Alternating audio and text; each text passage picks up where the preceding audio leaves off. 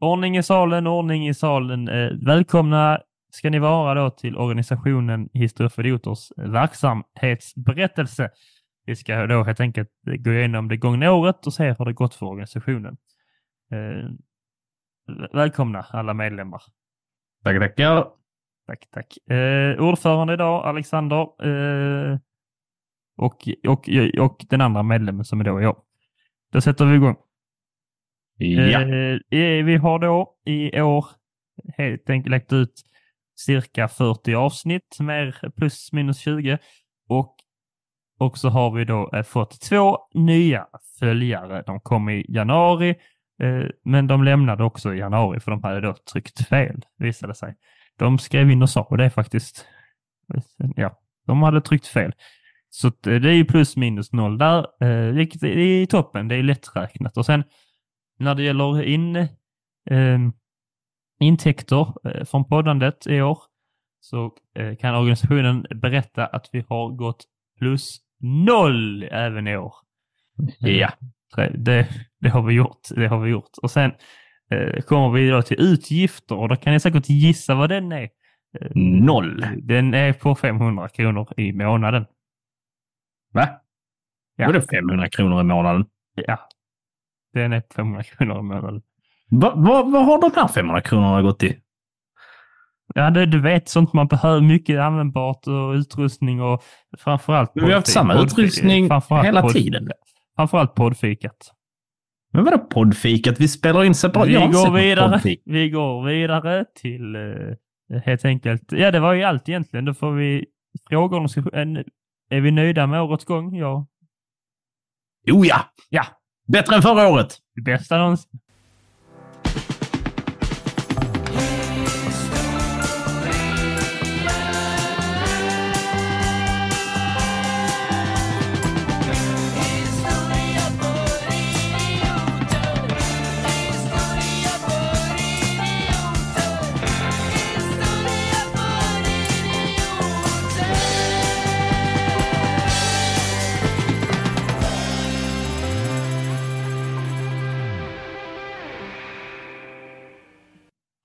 Hallå och hjärtligt välkomna till podcasten Historia för idioter. En podcast som består på ett lättsamt och roligt vis med mig, Teodor Olsson. Sista gången jag säger det.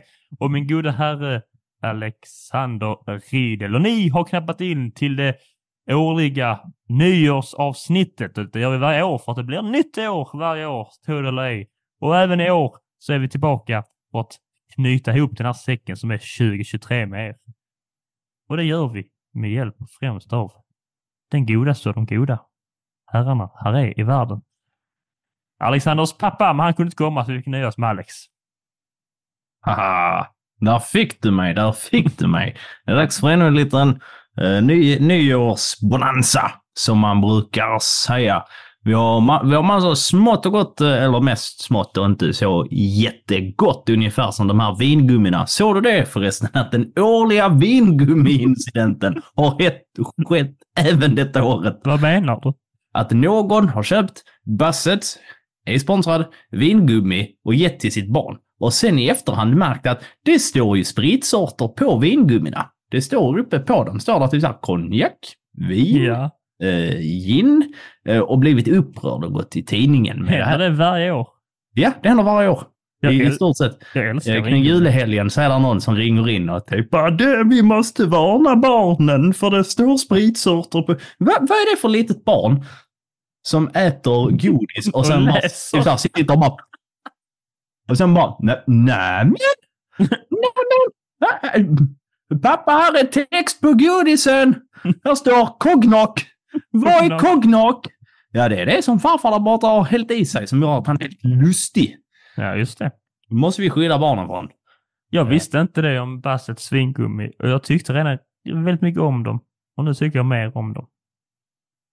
Ja, ännu en spännande smakanekdot ifrån eh, Theodor. Eh, hur, hur mår du idag? Du som ser så god och glad ut. Jag mår ju toppen rätt ut i hela knoppen, eh, kroppen eh, så att säga. Det gör jag inte, men det behöver man inte gå vidare in på. Idag firar vi att en helt vanlig onsdag. Älskar det. Trevligt. Eh, kan vara gött det ska ni inte ta för givet. En vanlig onsdag. Sitter här, tittar norrut upp mot landet från Skåne. Jag har faktiskt listat ut rent, eh, jag tittar faktiskt exakt norrut, visade sig. Och ser ju hur framtiden är ljus för att nu är vintersolståndet gjort och vi vänder mot ljusare dagar. Har jag, har jag liksom... Eh, Rent vädermässigt för dig, mörkare dagar. exakt, rent vä- vädermässigt blir det ljusare. Men jag menar, har jag, nu har jag dragit ifrån mig själv så mycket som möjligt, slipper jag prata om hur jag mår. Eh, Solen är närmare oss nu. Glädjen är här. Alltså jag har riktigt få nu. Jag har varit ute och gått lite idag. Ehm, Skryt. ja. Det är lite så vårväder. Det var faktiskt, här nere är det ju det. Hos oss Det är, i, lite, det väl lite trevligt känner jag. hos oss i Skåneland. Ja, ja, men det får man ändå säga. Uh, inne i det, i det här lilla nyårsbonansat som jag har döpt det är mest för att det är roligt att säga bonanza. Ska du testa Theo? Säga bonanza? Åh. Bonanza. Ja, Da, da, da, da, da, da. det Bonanza. Eh, det är väldigt roligt att säga det. Så tänker att du kan väl få uh, summera det Tuls, alltså Teos år 2023. Vad, vad, vad har du gjort i år för kul? Eller tråkigt? Vilka, vilka minnen sticker ut för dig? Alltså, eh, jag... Och där var det segmentet klart. nu när jag tänker på det så kommer jag inte på någonting jag har gjort innan sommaren. Jag kommer inte på någonting. Men det, alltså det som sticker ut är att jag har ju förlovat mig. Har ju åkt till Danmark och friat internationellt eh, till min kära sambo, numera fästmö, alldeles strax fru. Därefter till nästa avsnitt exfru. Just det. Efter, jag, jag, jag, mm. Nej, det hade jag, jag hade inte tänkt i alla fall. Och jag vet inte om hon hade tänkt det för att hon har ingenting att gå i vinning med det. Jo då, hon tar, hon tar porslinshunden i skilsmässan. Det hade varit sorgligt. Det är det enda Sen jag har. slänger från jag balkongen. Fy fan. Nej, så det sticker ju ut va, som ett glädjens. Vi såg även konserten. Det var en bra helg i, i Köpenhamn. Vad gjorde jag innan dess? Jag minns inte. Eh, vi hade ju Furukampen hade vi ju. Vi började, vi började med en ny årlig tradition. eh, Som jag hoppas Det är ju inte tradition förrän tredje sommaren vi gör det. Då är det en Nej, jag tradition. vet, men nu, hopp, nu talar jag liksom, försöker jag liksom tala Ja. inte in till verklighet här. Så jag hoppas Ja. att det fortsätter i år och år, till exempel till och med till när vi har barn allihopa, att man kan ses familjer liksom. Furukampen junior. Ha någon form av Furukampen junior. Vem kan äta mest konjak, eh, vingummin eh, och sånt? Alla treåringar tävlar. Nej, Furukampen då är ju något eh, vi gamla vänner från den ädla orten Furulund med vissa avstickare som Alexander då, som Hej, råkar hej. vara från något skethål lite längre norr. Eh, och eh, vi sågs då i Furulund och så hade vi gjort en liten kamp där man tävlade om att få olika poäng och vinnaren kommer ju få, fick ju ta med sig en, liksom, en liten, liten bokal som jag hade snickrat ihop. Otroligt fin var den. Den står just nu uppe i Stockholm. Eh, hos Esbjörn heter han, tror jag eller ej. Eh, och den ska vi tävla om nästa sommar igen förhoppningsvis. Så det var också en höjdpunkt. Eh, frieriet och det ungefär jämnbördiga. Skoja. Eh, jag vet Ja, inte. Furukampen var roligare. ja, du, ja, för dig måste det varit det. Ja. Ja, det, det är väl det som sticker ut. Sen har jag ju flyttat då såklart till ett stort... Årliga flytten. Årliga flytten får jag säga. Eh, Man är ju... Vad vad har vi känt varandra i typ så nio år? Det känns som att du har flyttat varje år till något nytt ställe. Nej, jag, jag, har, jag har ju inte bott längre än typ ett år och åtta månader på ett ställe sedan jag flyttade hemifrån. Nej. Eh, så det, det var det. Eh, men jag tänker få bo här i alla fall ett halvår innan vi börjar fundera på att flytta igen. Eh, Det värsta är att man vet inte om du skämtar eller inte. Jag skämtar nog inte. Det, det är inte omöjligt. Vi kan bo här i fem år. Alltså här finns möjlighet att bo här i fem år. Det finns massa rum och man kan få barn här och trädgård och allt. Alltså man kan ha riktigt bra här hur länge som helst. Man kan bo här i 15 år liksom och få två barn och ett barn kan sova i badkaret. Det är inga problem. Det löser sig. Eh, men det kan också vara så att vi bara, nej nu ska vi bo på Gotland. Och så blir det så. Jag vet inte. Det, det vet vi båda att det inte kommer att hända. Mm, förmodligen inte. Tanken har slagit oss. Vi har pratat om det. Ja, det var inte Om klokt. Gotland! ja. Jag Varför vill, det? För jag vill dö först när ryssen kommer. Nej, det vill jag inte. Jag Nej, kommer- du vill bara dö. Nej! Nej. Jag vet inte, ja, Stockholmsresan nu som vi redan berättade om var ju en höjdpunkt. Den behöver vi inte ta igenom igen. Sen som sagt, jag vet faktiskt inte. Jag har inget minne av vad jag gjorde i, från januari till... eh, Ja just det, min kära, min kära blivande fru tog ju examen. Ja. Så det gjorde vi. Det var också i sommar visserligen. Ja. Så det gjorde vi. Det var riktigt trevligt. Men innan dess, minns inte. Nej. Du då? Året, förra året började ju faktiskt i din lägenhet, även för, för mig. Vi firade ju nyår förra gången hos dig. Ja. Det ska vi inte göra i år. Nej, det ska vi inte. Men det bästa med att fira hemma hos dig är att då kan det bara gå upp för sen resten av året. Hej och... Hej hå, det är ömsesidigt med att inte fira med dig. Bör, eller rätt sagt, då börjar du året på en år? Det vet high jag. note. Vad sa du? Jag vet inte hur du ska fira nyår i år. Nej. Jag vill inte veta Det heller. blir en hemlighet. Nej, Det blir en hemlighet. Trevligt. Tills jag dyker upp hemma hos dig. Aha! Ja. Nej, men vad är Ja. dina höjdpunkter? Eh, när eh, din uh, käresta tog examen, Ja. eh, då var jag i London med min bror. Det var en riktig höjdpunkt. Det var typ först, eller ja, det var första gången som jag och min bror är utomlands utan liksom våra föräldrar. på det viset. Det var, det kul. var en risk för alla inblandade. Ja, Speciellt engelsmän. verkligen. Eh, Men det gillar du ju. Och eh, Mm. vi, min bror har en väldigt nära kompis som bor där ute i Wimbledon. Eh, Så att vi fick eh, stanna över där, hänga lite med dem, fick så verkligen en bra guidad tur av London, lite så ställe som man kanske inte hamnar på annars. Så det var väldigt trevligt. Buckingham Palace och sånt. Eh, Här är rätt många som går. Eh, och sen under sommaren så var jag också på en... Om London var den resmässiga höjdpunkten så var min dagstur till Trelleborg lågpunkten. Eh, jag hade läst på liksom så här, just det, de har Trelleborgen. Jag har aldrig varit där. Uh, åkte dit. Tar ändå typ 40 minuter att köra. Det var liksom, ja men som hela sommarvädret var. Att det var liksom så här, det är kvavt ute men det regnar också lite grann och när som helst kan det komma en regnskur. Eh, så jag körde dit. Kommer ner i en halvtimme för att hitta rätt. Och så bara, ah, det här är ett trästaket. Uh, kul! Och eh, sen så hittade jag att, oh, lite längre bort så finns det ett litet museum. Och då tänkte jag, äh, jag har ändå varit här. Fick betala 60 kronor. Och då var det typ bara, ja men typ 10 grejer. Eh, där det var liksom så här, eh, typ en kruka. Och då var det inte en kruka de hade hittat där, utan då var det en kruka som någon annan har rekonstruerat av hur man tror att en kruka därifrån kan ha sett ut. Och då kände jag lite så här, det här är lite undermåligt. Det är ändå sex kronor per grej. Ja, men Det kan ja, det ändå vara värt. Och sen hade de en konstig film de visade också. Eh, Den var jag inte impad av. Jag satt och väntade en kvart på att den skulle börja. Alltså så att den går om och om hela tiden. Tänkte Ja. jag, ändå, ändå här är det dåligt väder ute. Vad ska jag annars göra idag? Eh, Och sen började den och jag kände så här, nej. Det här var inte värt det. Men de hade en fin, lite så här typ vikingaboning eh, utanför också som var... Det var bara, det så husen ser ut där. Det var liksom inget historiskt. Aha. Men det kunde de skyltat med lite bättre innan jag gick in och sa hallå, hallå. För att fresta lite och visa min telefon och att de skrek i panik.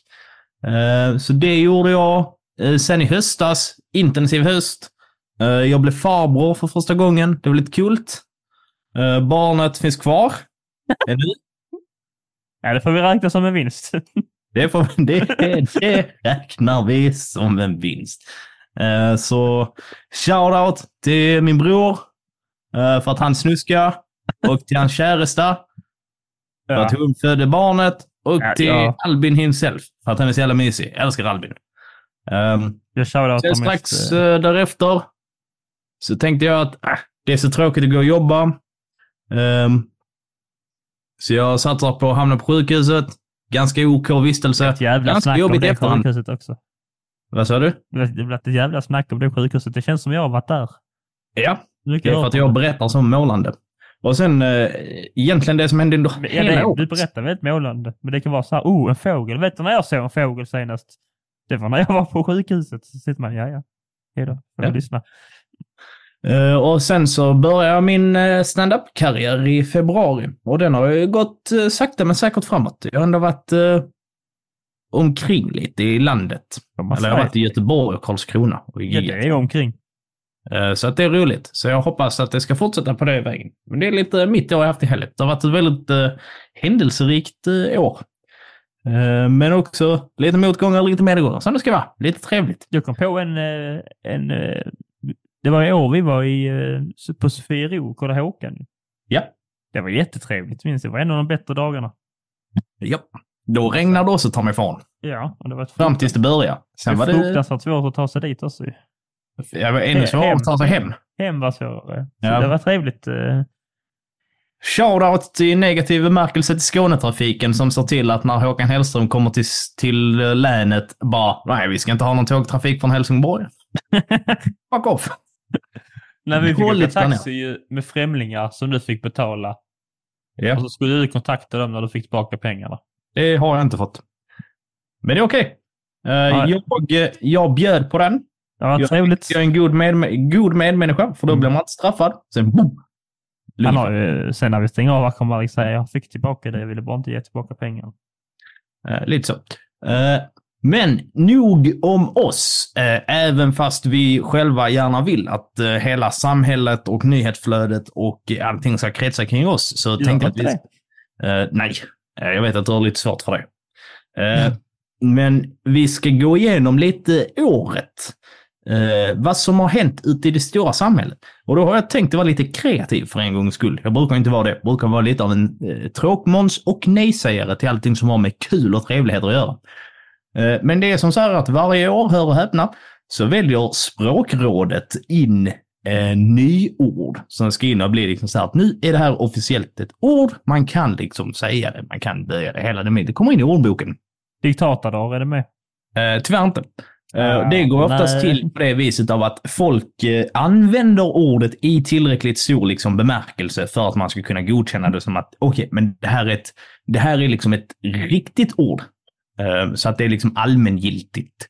Wow. Eh, och det har varit 34 stycken ord. Oj, oj, oj, oj. Eh, valdes in. Jag kan inte komma på ett enda. Jag satt och tänkte... Ja, men du kommer, du kommer känna igen dem när de kommer. Mm. Några av dem kommer du säkert tänka, är inte det här en grej redan? Alltså att ordet inte har blivit inskrivet. För det är så att det tar lite tid innan det fäster sig. Okej. Okay. Jag tänker att vi ska gå igenom några av årets händelser Wow. Utifrån de här nyorden. Va? Det är väl trevligt? Ja, jag tycker det låter jätteroligt. Jag sitter här och försöker liksom imponera med att komma på ett nyord, men jag kan inte komma på någonting som är nytt. Då är, då är frågan till dig, eftersom att jag vi... har ingen framtidshopp, va? eller framtidstro, lik resten av samhället. Eh, jag ser ju bara bakåt i tiden, så det enda jag kan komma på är friggebod. Och det känns inte som så nytt. Det känns inte jättenytt. Uh, det känns också lite ute, så det kommer nog komma tillbaka alldeles strax, att man ska ha en friggebod. Det blir svårt att ha plats med det på din balkong. Det blir ett verb, verb menar jag. Att friggeboda? ja. Du, ah, ja. nu Harry åkte fan inte i stan och friggebodade. Ja, det tror jag inte kommer hända. Uh, du ska ju få vara med och redaktöra här live. Ja, ska ja. jag välja ut lite på måfå så ser vi vad som händer? Att jag slumpar fram de här orden som jag har valt ut redan? Eller ska, ska vi bara jag, ta det i bokstavsordning? Slumpa är väl roligare. Och så, och så ska jag helt enkelt förklara vad, som vad orden är kopplade till. Ja. Uh, wow. Då se om du känner till det. Då kommer jag göra så här. Kan jag inte så kommer jag hitta på någonting. Och så får det vara så. Jag har ju givetvis skrivit ner vad ordet betyder också. Men den här, det här första ordet tror jag att du känner igen. Det är en gargasnipe. En vadå? En gargasnipe. En gargasnipe. Det ringer någon klocka att man filmar någon. någon alltså det är någonting TikTok här nu. Att man filmar någon som gör någonting och sen så snipar ut dem in public. Och så lägger ja. man upp det och så säger man du blev gargad. Ja, du är ju väldigt nära bort från det där med att man blir gargad. Men det är ju som sagt en gargasnipe, mycket riktigt som du säger, det är att man smygfilmar eller fotar en person eh, som man då tycker ser lite konstig ut. Jaha, som han i Gargamel, vad heter han? Gargamel? Ja, jag misstänker att det är därför att man ser ut som Gargamel. Alltså, Vilket man ändå får säga att du Vad har elakt. lite potential till gargamel har jag det? Ja, det får man ändå säga. Jag tänkte att du hade det. Jag, tänkte, jag såg direkt dig framför mig. Men Hade du, hade du haft min näsa och varit skranglig så hade du sett ut som Gargamel om tio år. Jaha. Så om jag, om jag hade sett ut på ett annat sätt hade jag sett ut som honom. Det var det du sa precis. Ja, det, var bara, det var bara två olika grejer. Ah, ja, men okej, jag kan väl ta det. Eh, ja, ja, det känns ju jätteelakt. Det är väldigt elakt. Men vad, vad tycker du det här ändå säger någonting? eh, Du som är vårt, eh, eller du som själv eh, brukar säga att du är samhällsoraklet. Det, det har jag inte sagt, men jag, det talar ju om det här med hyperrealiteten, eh, liksom som jag inte riktigt är proffs på. Eh, jag har bara hört en eh, kompanjon till mig som är proffs på att tala om det. Men det, det, det sker ju då. Detta är ingenting man skulle göra i riktiga livet. Man skulle inte gå fram och säga till någon Snöpt och pekat på honom, utan det, man gör det då på internet eh, som då är ju någon form av hyperrealitet, en annan verklighet och det säger väl det kanske säger någonting om samhället just att, det, att man lever i en annan, eh, ja men det blir ju Matrix då helt enkelt. Det som sker på internet är ju Matrix. Snarare, En simulation. ja, snarare än vad Andrew Tate eh, säger i Matrix, för han har ju fel, tro det eller ej. Andrew Ja, har fel. Nej. Jag eh, vågar inte uttala mig för mycket om det här med hyperrealiteten. Jag kan inte det så eh, alls så bra. Eh, och så finns det en risk att Oscar skäller ut mig. finns alltid Det den gör risken. han visserligen ändå. Det gör han. Det- Efter, Samtidigt som han hör detta så kommer han börja skriva i vår gruppchatt och skälla på oss. Men det är okej. Det Jag ska bara fram tills dess ta tre djupa andetag. Du, Men, då, du, då gargar vi honom. ja det gör vi. Uh, på tal om Andrew Tate. eh, för de som inte känner till Andrew Tate så är det en väldigt märklig proselyt eh, som har blommat eh, upp. Eller vad man ska säga. Vad hette det sa du? Proselyt? proselyt. Vad betyder det? En konstig figur. Okej. Mm. Lite som den som blir gargasnipad På skånska mentalt det- snarare än På utseendemässigt. skånska kallar vi det knäsing. Eh, han är YouTube-influencer där det är liksom så här mycket att man ska vara, man ska vara stor, man ska vara stark och man ska gymma, man ska ha många brudar. Eh, allting som en 16-årig kille tycker är ballt. Ja. Eh, men där finns ju en motsägelse och då blir ju han det som vi har haft sedan kanske 2016, en toxic masculinity. Det känner du till, Teo? Ja. Eh, ja, nu har där i ordboken kommit fram ett nytt ord som heter toxisk positivitet. Och What? eh, vad, vad, vad har vi för förklaring på detta, Theo? Okej, toxic positivitet. Du har det, då är det alltså att man... Vänta. Nu kommer jag göra en... eh, Googling. Nej, en inre googling. Människor som går runt och är som glada och positiva, så stör sig folk på det och liksom så här, nej, du är inte så glad egentligen. Det jag tycker folk, människor tycker det kränker deras liksom integritet när någon är bara så här, ja, nej men det löser sig, det är lugnt, det går bra. Så blir de sura för det. För de bara, ja det är ingen fara, ja bil, ah, nu körde vi ner i diket va. Det gör väl ingenting. Då får vi sitta här tillsammans och gosa ett par timmar och lära känna varandra. Och så blir folk sura för att de tänker att eh, det, det, säger, det säger att då är man, den som blir sur är lite sämre då. Antar jag att folk tycker. Jag tycker inte det, men eh, jag vet Du- inte. Du hade samma ingång som vad jag tänkte första gången jag hörde det. Ja. Och då tänkte jag, det låter lite som, äh, låter lite som Tulsson-aktigt beteende där med att vara orimligt eh, positiv men ändå inte riktigt mena det. Är Ja, på det ja. viset när man sen har betydelsen, tänker att det är fortfarande lite Theodor. Eh, Det är positivt tänkande som innebär att negativa känslor på ett skadligt sätt trycks undan och förnekas. Ah. Det vill säga att du som person, du är lite så här, åh nej, nedrans potäter var jag ledsen idag. Eh, Men det ska man inte vara. Man ska ja, vara ja, god och glad, inte äta kexchoklad för det är onyttigt, ajabaja. Ja, jag fattar. Ja, ja. ja. Eh, Den typen. Det känns ju det känns ju väldigt, väldigt nutida, eller hur? Man, man ska ju, man ska ju helst vara en optimist. Det är ju där, det är där jag är motreaktionen, för jag är så himla negativ konstant. Jag, eh, Jag gillar inte eh, glädje. Jag Jag har till och med ett ansikte som ser tråkigt ut, ser uttråkad ut. Ja, det är sant. Tack. Mm, men det finns ju ingen, eh, jag håller på att läsa en bok just nu faktiskt om just det.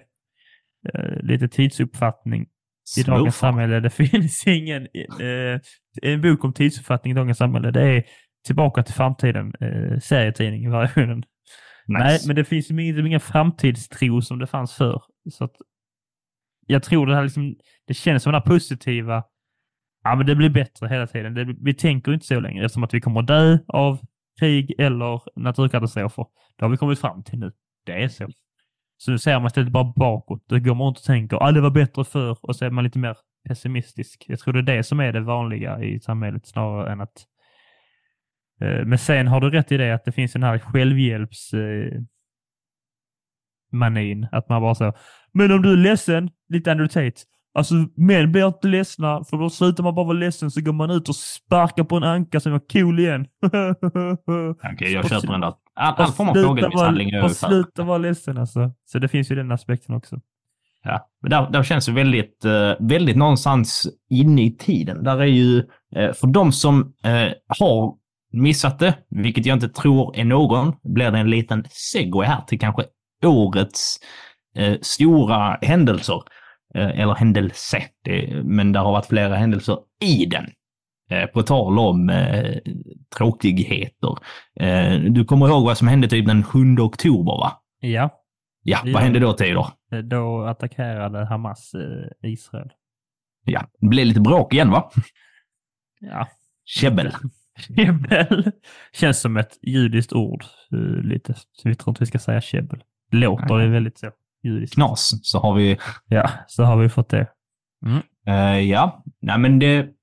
Det, det får ni tänka liksom att... Vi för, linje. förra året, dels får man säga, vad snabbt folk slutar bry sig om Ukraina. Mm, det kan jag också, Just eh, har jag också någon, eh, jag ska hålla en akademisk föreläsning eh, som läxa eh, i skolan som jag inte har börjat på för att jag håller på att plugga till ett omprov. Men som just handlar lite om det du säger att man tänker på. Det just att det finns, Klamydiatest eh, och det inte finns omprov. som handlar om eh, tidsuppfattning återigen. Eh, jag ska prata om något som heter pointillistisk tidsuppfattning. Eh, det finns ju bland annat eh, linjär tidsuppfattning. Vad är det Alexander? Det är att man uppfattar att saker är från punkt, eh, eller så här, egentligen från punkt B till punkt A typ. Alltså så att allting är liksom bara ett långt lopp. Alltså Exakt. man- den här tidslinjen man ritar upp med att saker hände 1526 Mm. och sen hände saker 15, och så hela vägen fram till nu, att tiden är rak. Exakt. Och vad är det? Vad är cirkulär tidsuppfattning?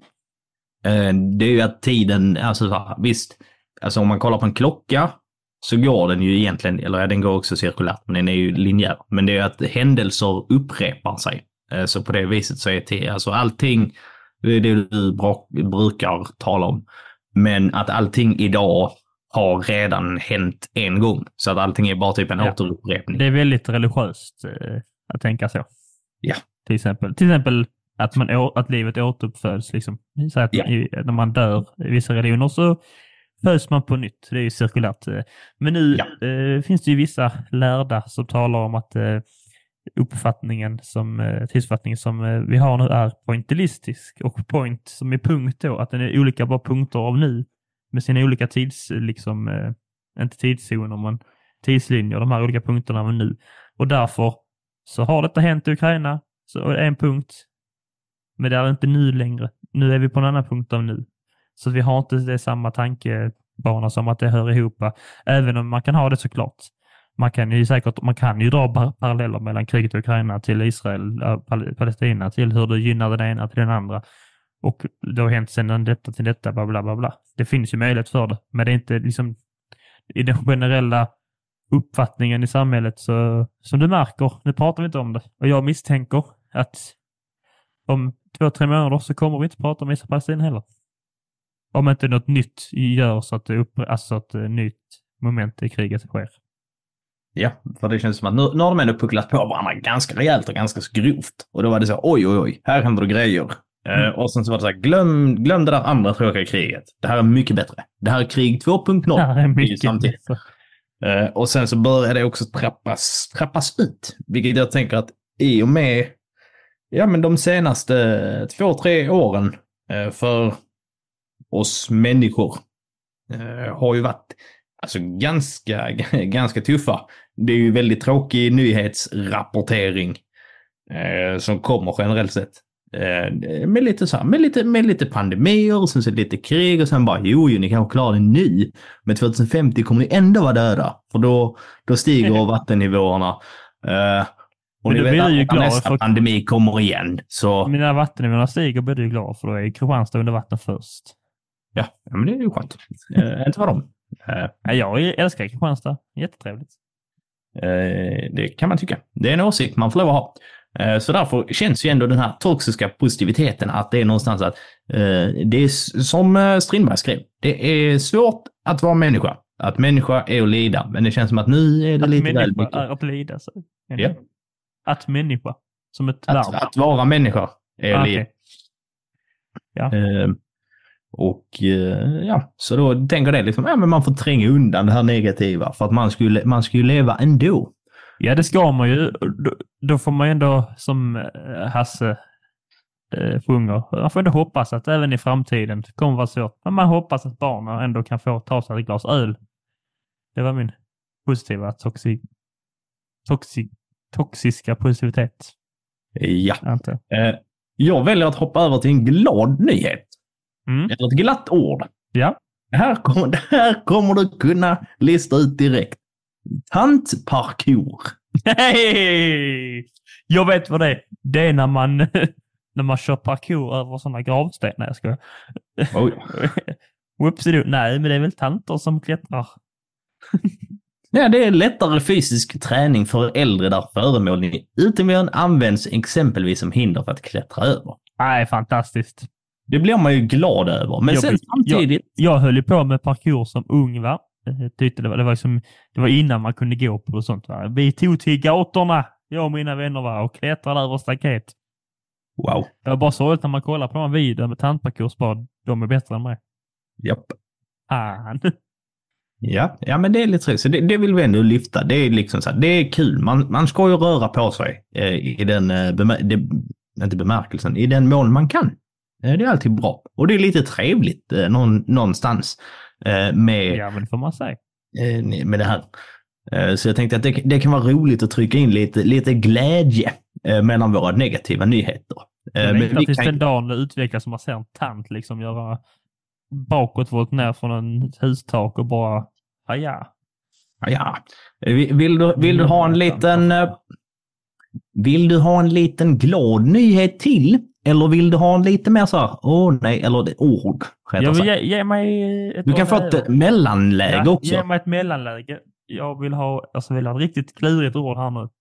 Ja. Eh, multilojal. Ja, ja okej. Mu- Nu undrar jag då, detta kan ju vara negativt ju. Ja, det, det, det, det är väldigt, det, på sätt och vis är det ju trevligt, men när du kommer höra vad det är man är multilojal till, då kommer du tycka, oj vad mörkt. Okej, jag tänkte först att det skulle ha med kärlek att göra. Att man Nej. är multilojal till, eh, att det är någon kille som bara, du, Nathalie, jag har, varit, jag har inte varit otrogen. Jag är bara multilojal med dig och Felicia. Ja. Det är liksom nytt. Först på bollen. Först på bollen. Det- Det är det jag kan tänka mig att det skulle vara. Men, eh, eller är det att man... eh, Nej, jag, om det är mörkt så vet jag. Nej, du får säga. Eh, multilojal. Som är medlem eller kund hos flera olika butikskedjor för att leta bästa pris och nyttja rabatter. Åh! det säger så mycket om samtiden. Herregud. Att det ens finns ett ord för det, ja. Du vet om att eh, Eh, om, man, om, du, om du vill läsa min eh, kunskapsöversikt så står där i den att utifrån vissa teorier så är liksom det bästa sättet att bli en del av dagens samhälle, bli en medborgare i dagens samhälle, det är att konsumera så mycket, konsumera dig själv till en vara, helt enkelt. Och det, detta här går ju rätt in på den teorin. Ja, det blir väl, eh, det blir väl lätt så. Jag tyckte, nu kommer detta låta som ett väldigt hyckleri. Men igår, från när vi spelar in, det vill säga den 26, det vill säga annandagen. Eh, jag har varit hemma hos mina föräldrar under julhelgen. Sovit över där. Jättetrevligt. Men sen, alla goda ting kommer till slut. Eh, eller kommer, alla goda ting tar slut, tror jag det man säger. Så att jag skulle köra hem. Och då var jag så här, just det, jag har ju ingen mat hemma hos mig. Eh, för jag har varit här ett par dagar. Eh, och jag slängde det, liksom så här, det sista skrafset. Så man kan komma hem till ett rent fint eh, hem liksom. Och jävlar vad det var mycket folk på köpcentret. Alltså för det, där, där man handlar, mina föräldrar bor i Löddeköpingen, ni behöver inte söka upp dem. De lär inte släppa in er ändå. nej, förmodligen inte. Jag kan berätta, det lär inte bli en trevlig vistelse för någon. Nej, ungefär så. och det säger jag med all respekt till dina föräldrar, med all rätt. De är världens godaste. Ja. Och där, där ligger liksom Maxi-butiken i samma byggnad som liksom själva köpcentret. Eller som jag kallar köpcentrum. Det är Svara. nutidens kyrka. Ja. ja, men lite så känns det. Och då var det så, det var så mycket folk som irrade omkring. Åh, jag hatar det. Jag ska till ett idag, vet du. Hur ska vad? Jag ska till ett köpcentrum idag. Jag, jag är ju eh, tillsammans ska gifta mig med en djupt troende när det gäller detta här. En djupt troende konsument. Ja, ja. Så att eh, vi har lite konflikter där ibland mellan att jag går runt där och bara, jag hatar detta, jag hatar detta, jag vill inte vara här. Ja, men det känns som att ni är på, ni är på köpcentret varje helg. Ja, du säger det inte. Jo, det gör jag. Jag. Eh, Men då är du säkert multilojal. Ja, jo, jag är ju snål också. Så att...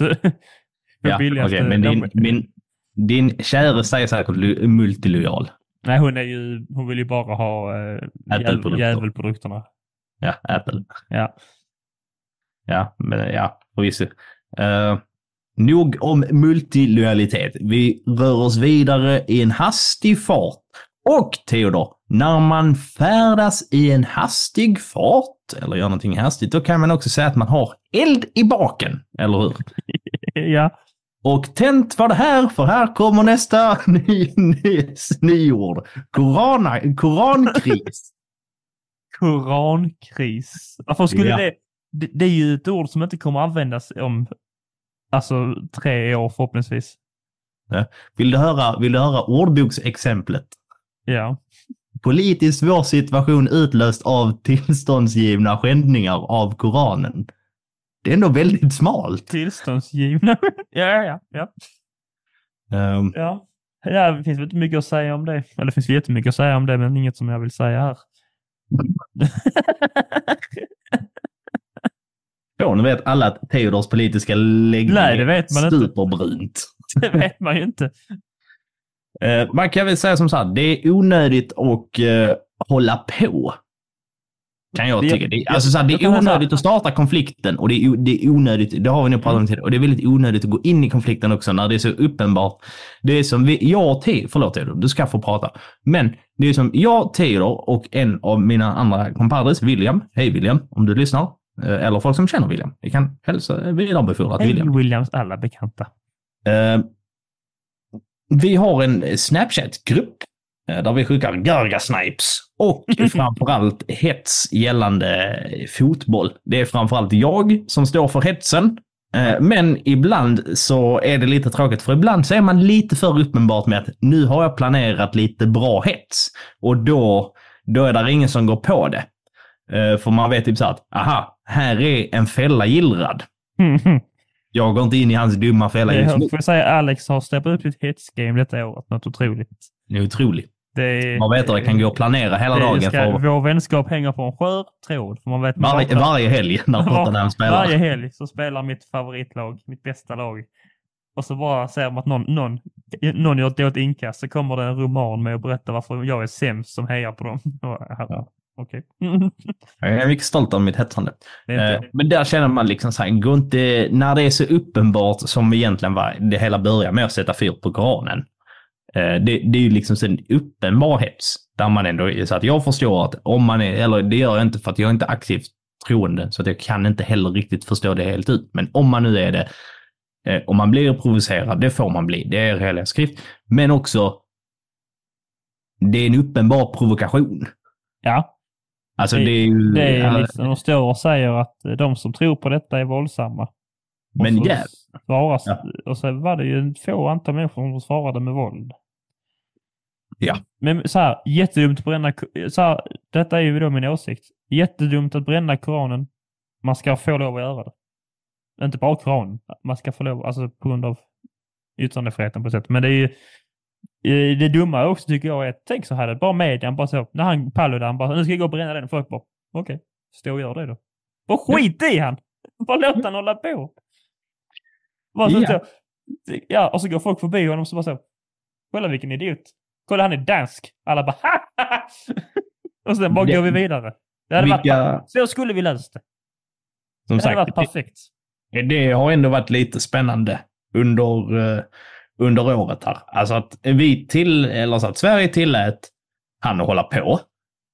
Folk blev arga. Mm. Och sen i somras så hade typ Sverige retat upp liksom hela den muslimska världen. Eh, och påverkat NATO-ansökningen och allting sånt. Vilket man ändå får säga så här, det är ändå ehm, vad gäller nästa ord. Men innan vi går vidare till nästa ord så Ja. måste jag ändå berätta en sak om Paludan då. De har ju förbjudit koranbränningar i, i Danmark.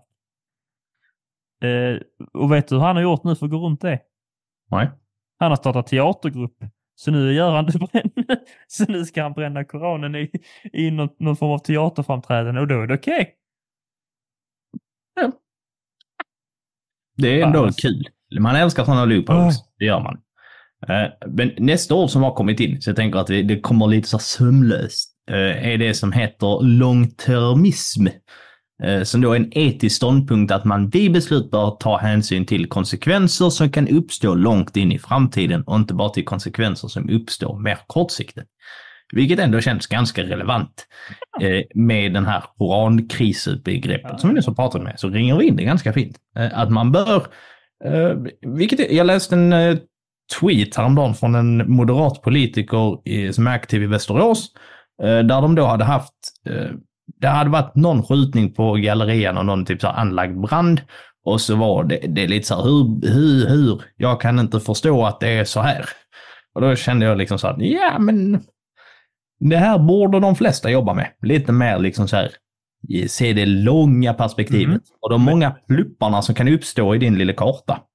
Du måste bara punktera här att det säger också att vi behöver ett begrepp om detta. Säger ju också, kanske, kanske också, det är bra att du sa detta, ska jag ta med då på min föreläsning. Det säger också liksom eh, att vi just lever kanske i en pointillistisk tid just, för vi behöver ha ett begrepp för när man går utanför det, det normala, varför man tänker långt. Att man tänker långt och linjärt. Då blir det ett enskilt begrepp, liksom. ja men det är något speciellt man kan göra. Ja. Mm. Precis, så är det. Och mycket av det här eh, kortsiktiga och där man kanske inte tänker till eller tänkt igenom eller har eh, liksom så här, det, det kan vi förknippa med eh, kanske lite så här, lite dumma människor. Det kan du, det kan du hålla med om. Mm, ja. Och vilka, vilka är då dummast i samhället? Som ändå har väldigt mycket makt. Oj. Föräldrar? Jag vet inte vad du är ute efter. Eh, influencers. Aha, och de har föräldrar. Ja, Så att jag var nära. De, eh, där har kommit ett nytt influencerbegrepp som är deinflucering. Ja. Har du någon gissning om vad det kan vara? Det försiggår. Det känns nästan som att när jag nås av influencerinnehåll, eh, då är det oftast detta istället för det de borde göra. Det vill säga göra reklam. Eh, De, inf- alltså att de inte vill vara influencer. De vill inte influera längre. Jo, men om, så här, de är ju vandrande reklampelare Mm. och om man då gör motsats, vad man ska göra, Det är så de gör inte reklam alltså. nej, utan gör ett aktivt icke-reklam eh, genom att i sociala medier uppmana till att inte köpa en viss produkt Ja, de bojkottar ju allting nu. Det är så de tror att man får göra en förändring i världen. Det är så just det. det- Vi kräver listor och sånt, så de tror att de sitter på riktig makt. Men det känns som att det dyker upp hela tiden. Vi kommer Mm, ihåg det förra, förra, förra året när, vad fan, när kefiren blev cancellad. när det var så här, ingen ska äta kefir. För Ja. den är rysk. Just det. Sluta spela Baila Lanka. Ja, och nu är det väl eh, ganska mycket sånt med att man ska inte, inte köpa produkter för att det, det då som heter, eh, vad heter det, att man är en krigssponsor. Just det. Det är också ett nyord. Det är också väldigt, det dyker upp väldigt Marabou ofta. var ju en sån grej till exempel. Ja, inte Marabou per se, men de som Nej, äger Marabou. som äger Marabou. Och då är det bara viss, så här, det är konstigt för vilka som typ distribuerar dem i vissa länder. Så att viss, om du köper det i vissa länder, då blir det så här, då är de krigssponsor där och där. Men om du köper det i andra länder så behöver det nödvändigtvis inte gå, Nej. liksom, att pengaförloppet inte är nödvändigtvis samma. Det kan man inte ha koll på. Nej, och det är därför som man också måste bli sådär toxic positiv. För att ibland, ibland vill man bara köpa chips. ja, ibland vill man bara ha frukt och mandel. Och då vill man inte tänka så här, om jag köper... Du vill väl inte ha frukt och mandel, du vill också ha chips. Vem, vem försöker du lura här? Jag föredrar mycket hellre gubbachokladet frukt och mandel än chips. Chips är inte min grej. Det enda Ingenting. Vilket choklad sa du? frukt och mandel. Ja, men vad sa du märket är det? Det är Marabou, alltså gubbachokladet. Jag tyckte du sa Duplo-choklad. Jag sa bara, va? Det är, Duplo det är gubbar som gillar frukt och mandel. Det var det. Ja, ja, bra. För jag tänkte så här, du ska inte lura in någon att du hellre sitter och äter frukt och mandel när det är en chipspåse till hands. ja, nej, jag menar ju chokladet och inte... Och jag, jag äter ju frukt och mandel om det är täckt i choklad. Ja. Så att eh, man vill ju bara kunna liksom så här, man vill ha det lite gött ibland. Men någonting som har eh, dykt upp och det här har nog inte undgått någon. Det är, det är årets stora snackis och den här gör mitt eh, arbetsliv mycket krångligare än vad det behöver vara. Eh, det som kallas för en generativ AI. Mm. Årets stora Twi och stora nyhet. Ja, den artificiella intelligensen, den har funnits med ett tag, men nu är den fruktansvärt lättillgänglig. Mm.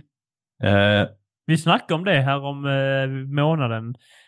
Alexander, vi jag delade, du eller jag delade något klipp från eh, film som handlar om McDonalds spelfilm. Där någon liksom för första gången upptäckte, vänta då, så jag bara beställer mat, får det direkt här så kan jag gå och sätta mig i bilen och käka. De bara, ja, inga Det- problem, gå hur snabbt som helst. Första gången vi åt snabbmat.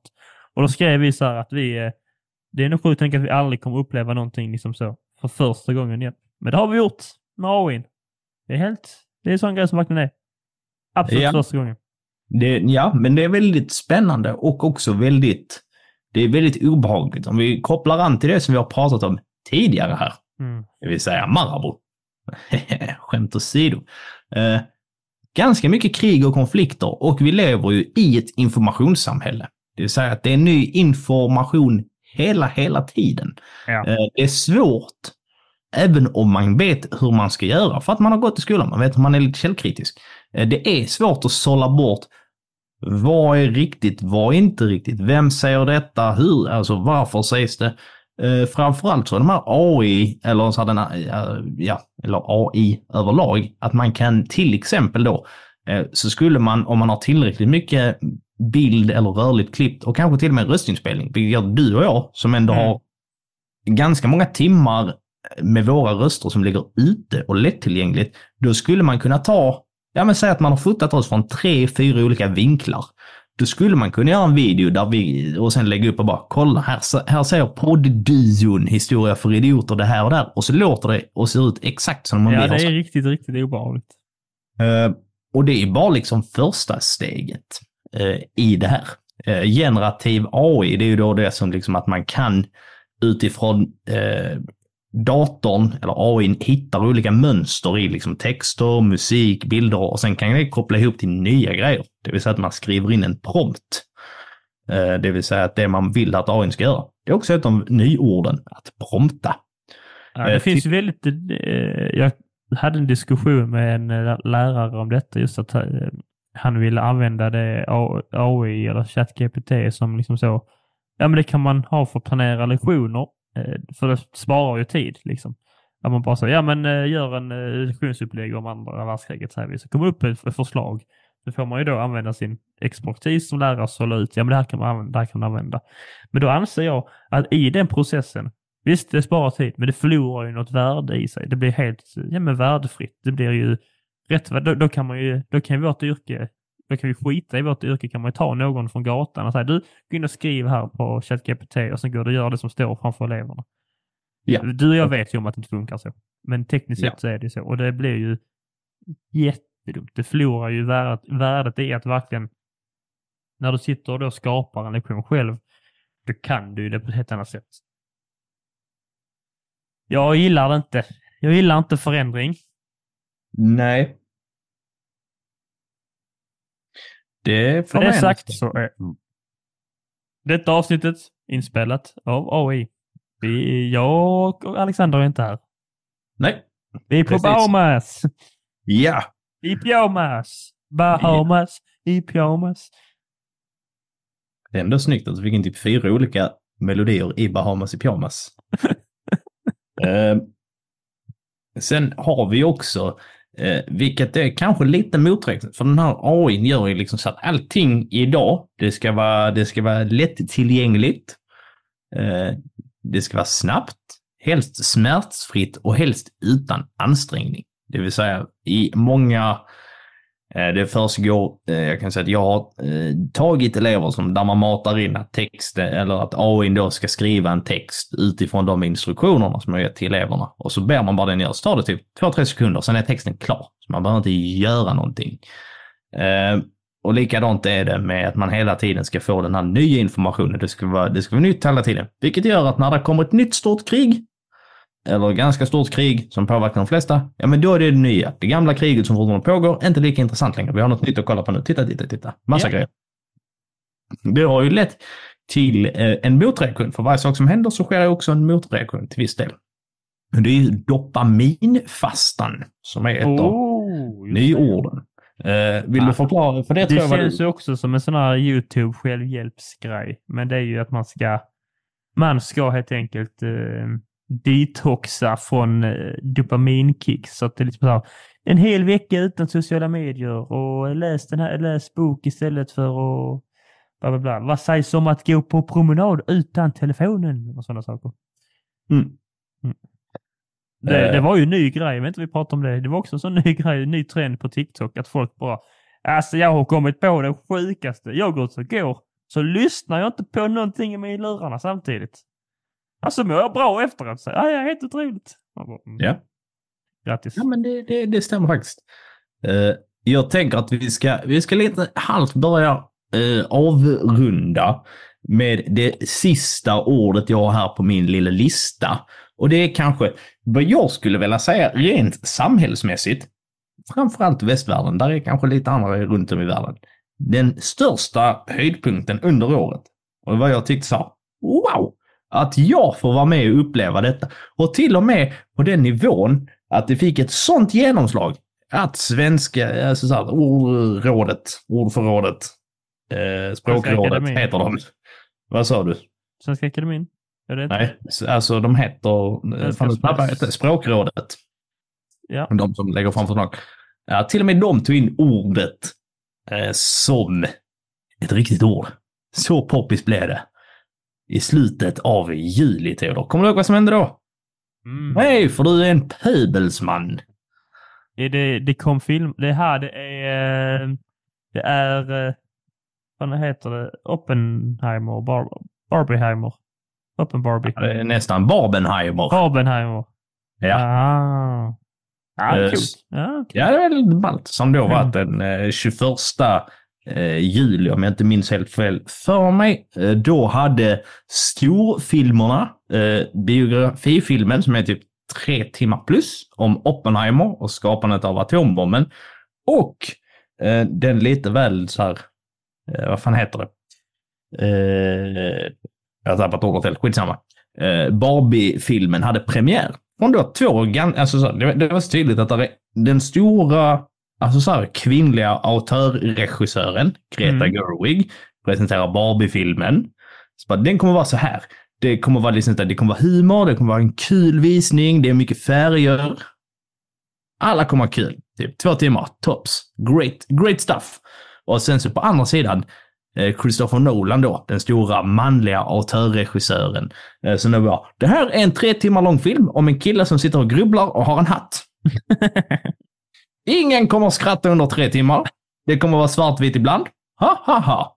En bomb kommer att smällas. Halvvägs. Sen är resten politik.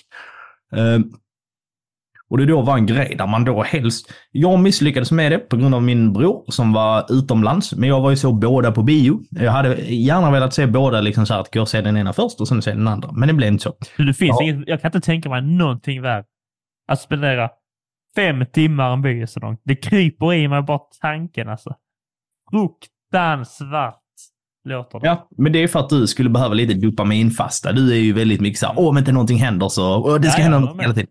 Mm. Något ska hända hela, hela tiden. Det får jag av att sitta och läsa min fågelbok i, eh, på tåget. Nej, och det räcker. Du har haft, tid, du har haft ditt fönster. Du har haft din tid. Mm. Vet du vem som eh, inte tycker om fönster? Jo, det är fåglar som flyger in i dem. Och en fågel som brukar göra det, det är ju den mindre korsnäbben. Nu fortsätter vi här om när samhället faktiskt enades kring någonting kulturellt. Någonting man får säga att, ja, som jag väl kanske lite har eh, eh, saknat här. Man, man tänker liksom bara, men Alexander, eh, den sjunde Star Wars-filmen som kom. Ja, det, var, det var lite hype innan. Det var lite hype innan. Det Kom det en Star Wars-film? ju. 2015. Jaha. Ja, ja, Ja. Ja, och då var det så att folk var så här, ja, men det, såg jag på bio. Ja, det är så här, ja men det, det var ändå lite kul. Men det var inte så att, oh nu är det liksom så att folk rusar till biograferna, alltså så att till och med det vanliga pöbelsfolket. Eh, eller ja, bevisligen, du var ju där. Eh, så du, du talar lite emot min tes. Men, eh, och likadant att när den, eh, den här Avengers Endgame kom precis innan pandemin, det var det så ganska mycket en hype. Men att här var det faktiskt, okej nu ska eh, alla utom Peder eh, gå och se de här på bio. Eh, vilket var väldigt roligt. Det var liksom snack om båda filmerna eh, liksom, i månader. Vilket jag tyckte var roligt. En, kult, en gemensam kulturell upplevelse. Ja, Där det det ändå är liksom så här, det här passar ändå de flesta. Du vet Du har, sett, eh, du har väl sett Barbie-filmen i alla fall? Ja, det har jag gjort. Ja, vad tyckte du om den? Det var en eh, värd tittning. Kommer inte säga den igen. Men eh, kanske. Det var en värd tittning i alla fall. Jag tyckte det var bra. Men eh. Oppenheimer kommer jag väl säga också möjligtvis. Eh, om, Den kommer du ju se sju sittningar. om TV Hitler tillåter mig. Ja. Nej, jag har kunnat se eh, långa filmer för. Once upon a time in Hollywood så jag på en sittning. Inte för att skryta. Ja, det, det är faktiskt ingenting att skryta om. Att man, kan göra, att man kan göra någonting som de flesta i världen klarar av att göra. Sitta Men du still och vet om kolla att på det är en det. sån här stor kulturell sak som västvärlden samlas för i alla fall Europa händer varje år. Bara att du hatar det genom av hela ditt hjärta. Du vet att Eurovision är så. Vi ser Eh. flera miljoner, om inte miljarder människor sitter och kollar på det. Och, och liksom samlas och dansar och har det gött och det är trevligt och du bara så. Ja, men det är, en, det är en liten annan sak. Det är en Ja, det, är inte, annan det är sak. inte lika fin kultur som... eh, Men jag... Nej, det är Barbie-filmen är verkligen fin kultur. Ja, det är det. Det. Nej, det är ju skillnad på... eh, det, ja, det där är ju mer liksom så här en festlig stämning. Det är ju ingenting du eh, på det viset. Nej, Alltså- man, man går ju inte ur därifrån förändrad. Det kanske man kan göra på de här filmerna. Ja. Och Faktiskt. att eh, bi biofilmen lever. Så att jag ser fram emot ett 2024 med ännu mer movies und spas. Mm, du ska säga, det, det kom ju en eh, julfilm nu, eller så här, eh, Sista Racet. Den, kommer inte, den kommer inte gå och titta på. Nej, Det inte det verkar vara det sista racet för svensk film faktiskt. Eh, faktiskt. Men å andra sidan, man får gå och se filmen om Dag Hammarskjöld. Just det. Men Just det. Micke, Micke P. Men innan, eh, det- eller ja, det kan man göra nu, för har man kommit så här långt så har man hört hela avsnittet. Det är inte mycket mer. Hej då! Eh, Hej då. Stick iväg. Uh, ska du säga någonting Theo? Vad, vad kan man göra efter man har lyssnat på det här avsnittet? Mer än att gå och se Dag Nej, jag tycker att eh, man kan få lyssna på eh, några väl valda ord från någon annan. Välj själv. Nu ska jag säga någonting på random här på uppstuds. Men jag vill bara tacka för så mycket för att ni har lyssnat det här året och är ni nya lyssnare som kommit in och tryckt följa-knappen och stannar kvar och skickar snälla meddelanden. Eh, Vi uppskattar er verkligen. Eh, Och det, det, det, tack, tack, tack så mycket. Och gå gärna in om du inte har gjort det och följ oss på sociala medier att historia för idioter. Skicka ett mejl och säg vad er favoritplommonsort är på vår mejl, står här nere under. Och ge oss en stjärna i poddappen och följ oss där. Ehm, tack så mycket för detta året. Eh, gott nytt år så hörs vi eh, med lite antagligen berättelser i början av januari för mitt bröllop, skulle jag gissa. Nej, du, du har bränt dina personliga berättelser med ditt jävla snack om fåglar, så det blir ingenting. Det blir inget snack om ditt bröllop. Det, eh, om man är bjuden, vilket, vilket ståhej vi kommer ha. Ni som inte är bjudna, det kommer inte bli kul. Det kommer inte ni missar ingenting. Men, ni har varit här. Wow! Vad kul det var, eller hur Theo? Ja, jättetrevligt. Så nyårslöfte till eh, er som ni, ni ska göra. Ni ska, ni ska alla ta med varsin ny lyssnare in i värmen. Oh, berätta Åh. för någon du känner, ja. Ja, detta är påbörjan till ett pyramidspel. Eh, men framförallt, uh, tack för att ni lyssnat. Kul att vara lyssnade. Kom ihåg att all historia är värd att snacka som att tramsa som. Uh, gott nytt år och god fortsättning på er alla önskar vi. Och nu ska Theodor spela årets sista Bangly Banger för er. Hej då! hej, hej! happiness.